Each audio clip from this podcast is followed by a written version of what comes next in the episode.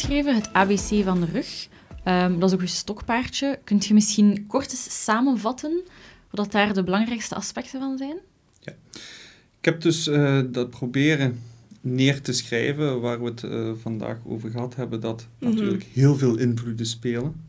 En daar een beetje een lijn in te krijgen. En de ABC heb ik dan gekozen waarbij de A staat voor aanpassing, namelijk hoe passen wij ons aan aan onze omgeving. En het belangrijkste in onze omgeving, zoals ik al zei, die drie beroepen, ze zijn heel verschillend.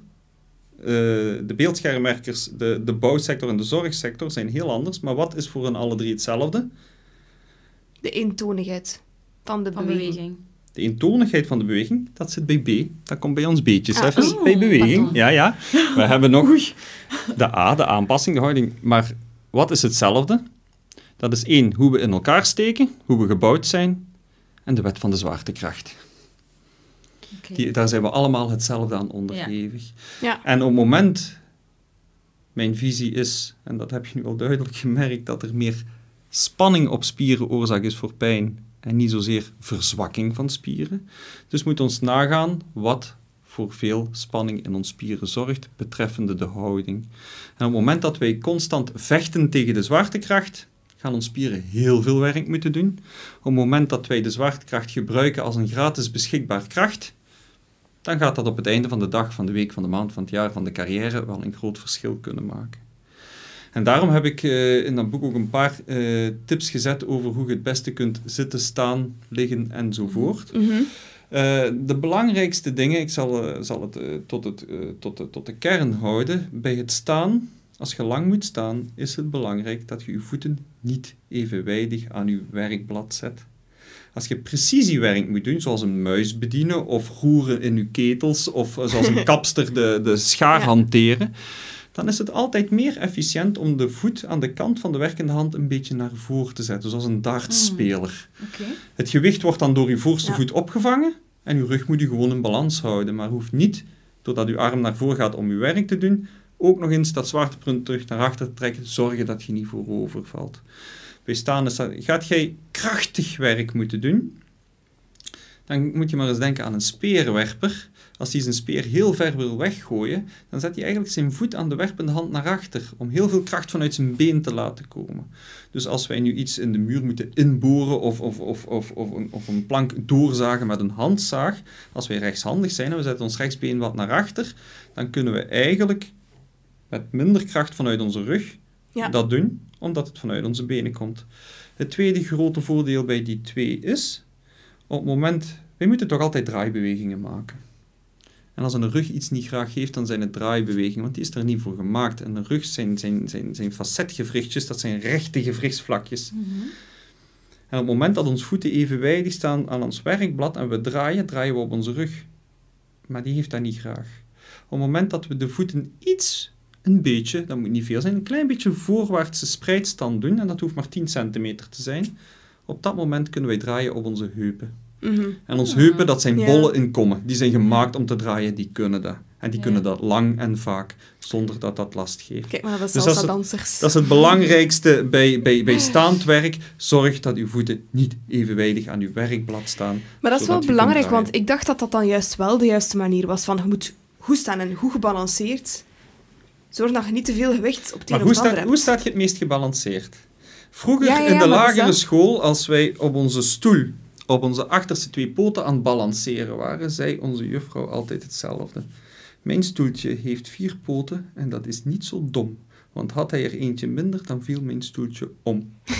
Als wij op ons twee voeten staan, hebben wij twee steunpunten, is de links-rechts balans stabiel, maar, de, voor-achterwaartse niet. Ja. Op het moment dat wij onze voeten een klein beetje uit elkaar zetten, en de ene voet ietsjes naar voren en de andere ietsjes naar achter, staan we zowel links-rechts als voor-achterwaarts in balans. Hmm. Dus uw, uw, uw conclusie is heel terecht. Hoe stabieler dat je staat, hoe beter. Maar we staan het meest stabiel als we ze alle twee een klein hmm. beetje uit, uh, uit het center zetten. Ja. ja. Oké, dat was staan. We hebben nog zitten, liggen. Zitten. Aan een bureau zitten. Het is zo dat. Daar vind je heel van, veel van terug. Mhm, Ja. Je hoeft maar even te googelen. Ze gooien u dood met de tekeningetjes van hoe je een bureaustoel het beste instelt en Mhm. dergelijke. Ik ga u echter één ding daarbij zeggen waar ik mijn bedenking bij heb, en dat is die beeldschermen omhoog. Mhm. Ik ben een fervent tegenstander en ik ga misschien wat in het harnas jagen. In theorie is het mooi. Dus je zit op je stoel met je zitvlak naar achter, je voeten gesteund op de grond. Heel belangrijk dan is even zuchten. Dat je even ontspant. Mhm. Want een, een ergonomisch quasi-perfecte houding ontspannen is beter dan een heel perfecte houding gespannen. Ja. Dus zorg dat Mhm. je ontspant. En op het moment dat je je zitvlak achter tegen je, je stoel zet, dan kun je nergens naartoe. Zakt je na verloop van tijd een beetje door, duw gewoon je poep terug een klein beetje naar achter en dat is terug goed. Op het moment dat dan uw, uw, uw werktafel op de hoogte, uw bureau op de hoogte is van uw ellebogen, van uw leuningen, van uw stoel, dan zit je eigenlijk daar grosso modo goed. Maar nu dat beeldscherm. Daar is al heel veel over gezegd. En in de theorie is het mooi. Op het moment dat we zo gaan zitten met onze kin lichtjes ingetrokken en onze ogen recht voor ons uit, daar ons beeldscherm, vandaar de beeldschermen hoger. Mhm. En ik ben akkoord. Dit is ergonomisch het beste wat je voor een nek kunt doen. Mhm. Theoretisch. Dit is voor mij zinvol als jij in je oortjes de tekst krijgt die je moet typen en dat je perfect blind kunt typen. Dan ben ik akkoord. Mhm. In de praktijk zien we dat op ons bureau nog wat eh, papieren liggen en dit of dat. En we hebben nog een tweede scherm en, en dingen ja, enzovoort en zo verder. Daar is een beetje van alles. En ja, perfect blind typen. Soms moeten we toch nog eens even naar die, naar die Mhm. puntkomma zoeken van waar dat die juist staat. En wat dan eigenlijk in de praktijk gebeurt, is dat wij weliswaar dat scherm hoog zetten op ooghoogte, maar onze ogen daar eigenlijk nooit zijn. Wij buigen licht voorover naar ons bureau toe om te lezen wat op ons papier staat. En dan staat dat scherm daar in één keer daarvan boven. Ja. En we knikken onze nek naar achter om naar dat scherm te kijken. Ja, En, we krijgen ja. eigenlijk een hele holle nek. Dus eigenlijk met het hoofd eigenlijk Mhm. achterover zitten we draaibewegingen te maken. En dat heeft een nek niet graag. Dat, dat klemt in, daar krijg je hoofdpijn van, nekpijn van. Dat is niet goed. Vandaar dat eh, mijn raadgeving eerder is van zet, zoals bij laptops, het scherm naar beneden. Op het moment dat we dus zo zitten achter op onze stoel, we zuchten eens goed dat we ontspannen zitten, we trekken de kin lichtjes in, geen dubbele kin, maar wel in die richting, dan valt ons hoofd eigenlijk lichtjes voorover en onze nek staat helemaal open, mooi gestrekt van achter. En eigenlijk met deze, in deze positie, als uw scherm nu op, op, op, eh, op de hoogte staat waar uw ogen vallen, Mhm. Perfect. dan kunt je eigenlijk met een draaiing van uw nek en naar uw papieren kijken, en naar uw scherm, en naar uw toetsenbord, met alleen maar te draaien en zonder uw nek te strekken. Maar leg je dan geen spanning hier op de achterkant van? Ik ben het aan het proberen, by the way. Probeer maar. Maar leg je Het dus is geen wel spanning hier? dat je niet met je Ik zal schouders het, voorover ik zal het, u, ik zal u gewoon op, op Ja, drie keer draaien, merkt je het. Wacht, Trek uw kin lichtjes in wacht, en draai nu drie keer van links naar rechts Wacht, met uw hoofd. Gewoon lichtjes in en draai gewoon een paar keer naar links en naar rechts. Je moet dat niet forceren, gewoon een paar keer doen. Goed, nu doen we net hetzelfde, maar nu gaan we de kin naar voren steken. De kin goed naar voren en draai dan nog maar eens een paar keer. Mm. Ja, dat Ja, gaat dat is niet, meer gespannen. Pijn, allee, dat Een is lichaam vliegt feit? nooit. Mhm. Een lichaam ligt nooit. Ja, We oké. hebben onze quote gevonden voor, eh, voor de Ja. aflevering. Ja, oké. dus, oké. dus je moet je eigenlijk heel bewust zijn van wat doe ik inderdaad op mijn bureau. Ben ik iemand die inderdaad... Het grote voordeel is, op het moment dat je zo gaat staan, uw zwaarte, de zwaartekracht, want daar begonnen we mee, die gaat door het kruin van uw hoofd en komt uiteindelijk in uw bekken terecht. En zolang dat jij bewust geen andere bewegingen maakt, je gaat nergens naartoe, dat hoofd blijft zo staan. Mhm. Omdat de zwaartekracht u nergens anders naartoe duwt. mhm. En dat is het grote voordeel, namelijk de zwaartekracht te vriend houden. Op het moment dat de zwaartekracht u ergens naartoe duwt, waardoor je last gaat krijgen, dan kun je daar wel bewust aan gaan denken van ik ga dat niet meer doen, maar dat houdt je niet vol. Door de verschillende redenen waar we het al over gehad hebben. Ja. En dat is het grote voordeel. Op het moment dat je zorgt dat je zwaartelijntje mooi door het midden gaat, uw zwaartekracht, de zwaartekracht gaat u niet uit die positie duwen. Je blijft zo gewoon zo zitten zonder dat je daarbij moet nadenken. Mhm. Excuseer dat ik u Cool. onderbrak. Nee, nee, helemaal niet, eh, helemaal niet erg. En dan hebben we nog liggen, denk ik. hè? Liggen, ja. En ik vraag me ook af bij liggen, eh uw slaaphouding. Of dat dat ook er iets Maar mee als ik slaap heeft. zo slecht... Ik bedoel qua houding, hè. Of dat dat een verschil heeft. Dat, dat, dat, dat speelt zeker mee. Er is eigenlijk maar één houding die af te raden is en dat is buikslapen. Och, ja. Voor een onderrug kan het geen kwaad. Weet je, dat uw organen wat druk krijgen en zoiets over het algemeen, als je geen maagsfeer hebt of dergelijke, die kunnen dat over het algemeen wel hebben. Het enige nadeel is dat je ook s'nachts moet ademen. En je bent eigenlijk, als je een buikslaper bent, verplicht om je nek helemaal naar ene kant te draaien. Ja. Ja, inderdaad. Je moet nu eenmaal lucht hebben. Mhm. En zo ontwikkelt iedereen een voorkeurskant. Ja. Iedere buikslaper heeft dat. Mhm. Links of rechts, kies maar. Hmm. Welke Ja. dat is. Ja, ik ga het nu niet doen, maar als je een buikslaper bent en ik kijk even... Die kant? Nee, een andere. Zwat. Oh my god. Stel, het is links. Stel, het is links. Je begint altijd, je gaat op je buik liggen en je draait naar je voorkeurskant. Onbewust, je doet dat. Je draait bijvoorbeeld, ik pak nu links. Mhm. Je draait naar links en je gaat zo liggen. Nou, als je niet meteen in slaap valt, begint je zo wat spanning in je nek of zo wat Mm. druk op je oor, dat je zegt zo van, Ja, ja, dan verlegt u. je verlegt u, dat duurt vijf seconden, hè. Direct terug naar de andere kant. Ja. Je brein zegt van, nee, nee, nee, die andere is beter. Waarom? Omdat je natuurlijk door elke nacht uren in die positie te zitten, gaat uw nek, uw spieren, uw gewrichten gaan veel gemakkelijker in die richting als aan de andere. Aan de andere kant ontwikkelt je eh, spanning. En als je dat gaat doen, zegt je brein van, ja, maar ik moet slapen, ik moet in de meest ontspannen positie, maar dat is dit niet. Ik wil Mhm. dat andere terug. Mhm. En zo gaat je eigenlijk eh, veel makkelijker nekklachten ontwikkelen. Voor je onderrug valt dat nog wel mee, dat buikslapen. Ja. En daarom, maar als jij voor de rest op je rug of op je zij of en dergelijke het liefste zo ligt... naar boven onder je kussen of zo, want dat geeft ook spanning Maar ja, op, je, Ah, op je schouder. Kijk, eh, daar is iets... Als u dat geen klachten geeft, moet je daar niet te veel bij stilstaan, vind ik, persoonlijk. Het is natuurlijk zo, hoe meer neutraal, hoe beter. De perfecte neutraliteit bestaat niet, maar ook het meest ontspannen tellen. En dat is voor iedereen wat anders en dat is niet erg. Hmm. Natuurlijk zijn er, op het moment dat jij je arm onder je hoofd legt en, en je hoofd ligt net aan de binnenzijde van je arm, kun je 's morgens wel zwakker worden met een slapende hand, omdat je net je zenuwen en je bloedvaten aan de Oh, dat binnenkant hebt afgeklemd. Is dat gevaarlijk? Nee, maar het zou toch handig zijn of je ook een heel mooie ontspannen houding vindt als je dat Mhm. niet doet. Mhm. Dus probeer dat enigszins wat neutraal te krijgen. Ik krijg heel vaak de vraag van, maar dat is nu het beste kussen of de beste matras. En wel, Ah, dat ja. bestaat niet. Mhm. Dat bestaat niet, oké. Jij zit anders dan ik. Zwaar. Enerzijds zijn we anders gebouwd. Jij slaapt misschien liever op je zij, ik misschien liever op mijn rug. Anderzijds is mijn nek langer en mijn, mijn, mijn, mijn borstkas een beetje breder en dergelijke. Dus dat is allemaal anders. Dus hetzelfde kussen is dan ook moeilijk. Mhm. Het belangrijkste is waar je goed op slaapt, dat is goed voor u. Ja. Op het moment dat jij al...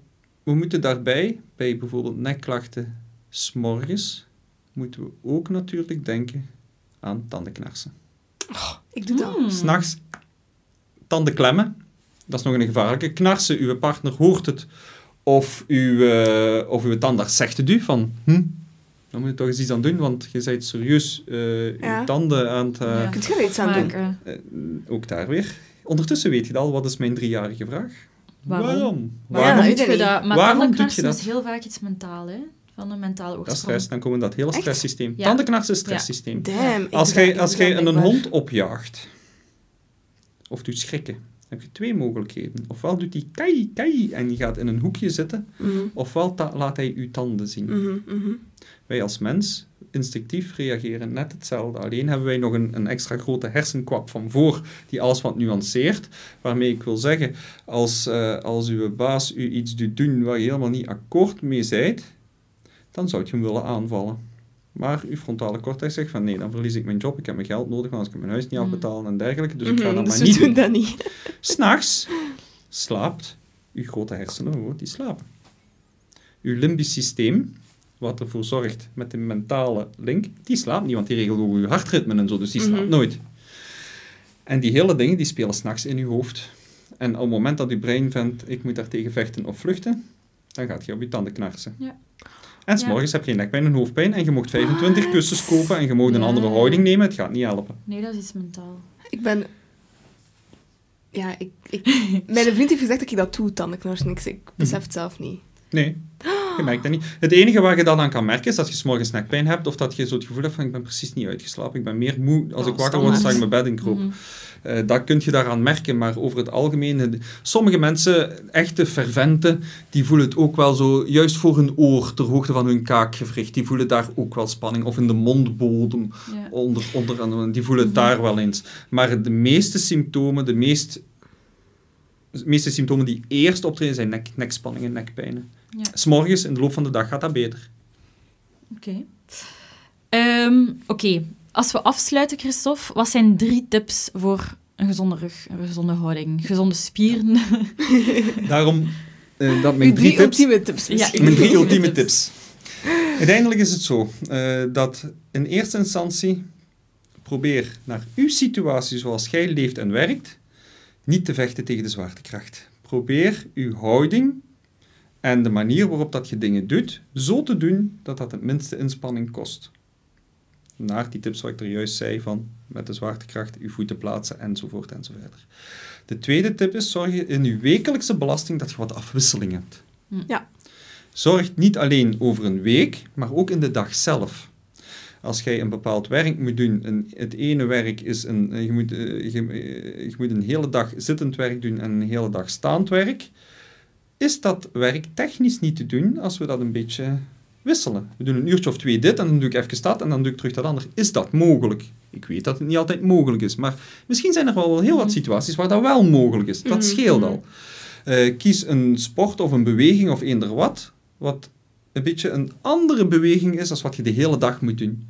En zo zal natuurlijk eh, de keuze van, van degene die een hele dag op een stelling als dakwerker werkt, anders kunnen zijn, die fysiek beter bij hem past, maar niet past bij een beeldschermwerker of omgekeerd. Zorg voor afwisseling.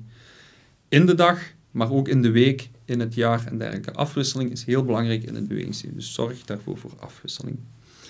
En ten derde, verzorg uw algemene gezondheid, zowel fysiek als mentaal.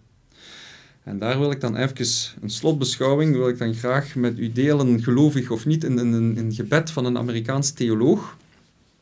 Je hoeft er niet gelovig voor te zijn.